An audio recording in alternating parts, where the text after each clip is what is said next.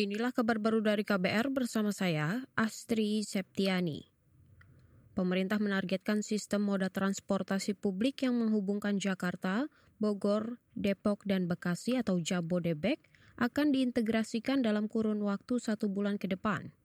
Menko Kemaritiman dan Investasi Luhut Binsar Panjaitan mengatakan, upaya ini diperkuat dengan peningkatan fasilitas transportasi umum dengan harga terjangkau. Untuk mengintegrasikan sistem moda di apa di Jakarta, Jabodetabek. Jadi jangan uh, pecah-pecah ada BUMN, ada Pemda, ada pusat. Jadi bagaimana sistem angkutan terintegrasi ini dibuat dalam satu organisasi.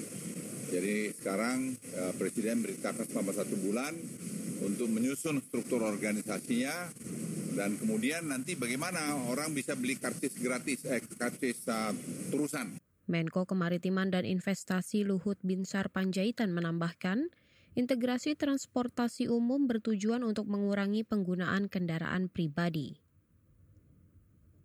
Saudara kita ke informasi pemilu. Kabar pemilu. Kabar pemilu. Polri mengerahkan lebih dari 400-an ribu personel untuk melaksanakan operasi Mantap Berata 2023-2024. Operasi ini menurut juru bicara Polri Sandi Nugroho bertujuan untuk melaksanakan rangkaian pengamanan pada pelaksanaan pemilu presiden dan pilkada serentak. Pada pelaksanaan operasi Mantap Berata 2023-2024, eh, Polri menurunkan personil sebanyak 434.197 personil, baik yang berada dalam satuan tugas di Mabes Polri maupun yang ada di uh, Satgasda di daerah. Juru bicara Polri Sandi Nugroho menambahkan, operasi Mantap Berata akan dipimpin Kepala Badan Pemeliharaan Keamanan Polri Fadil Imran.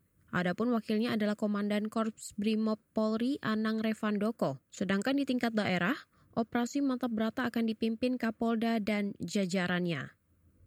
Saudara kita beralih ke informasi hukum. Satuan Tugas Penanganan Hak Tagih Negara Dana Bantuan Likuiditas Bank Indonesia atau Satgas BLBI kembali menyita sejumlah aset obligor atau debitur BLBI. Dikutip dari laman Kementerian Keuangan, Ketua Satgas BLBI Ronald Silaban menjelaskan, total aset yang disita senilai lebih dari 100 miliar rupiah berupa tanah dan juga bangunan di Jakarta Selatan. Salah satunya berasal dari debitur atas nama PT Prima Swadana Perkasa Finance. Menurut Ronald, aset-aset itu disita dalam rangka penyelesaian kewajiban utang kepada negara yang hingga saat ini belum dipenuhi. Nilainya mencapai lebih dari 1,56 triliun rupiah. Inilah kabar baru dari KBR bersama saya, Astri Septiani.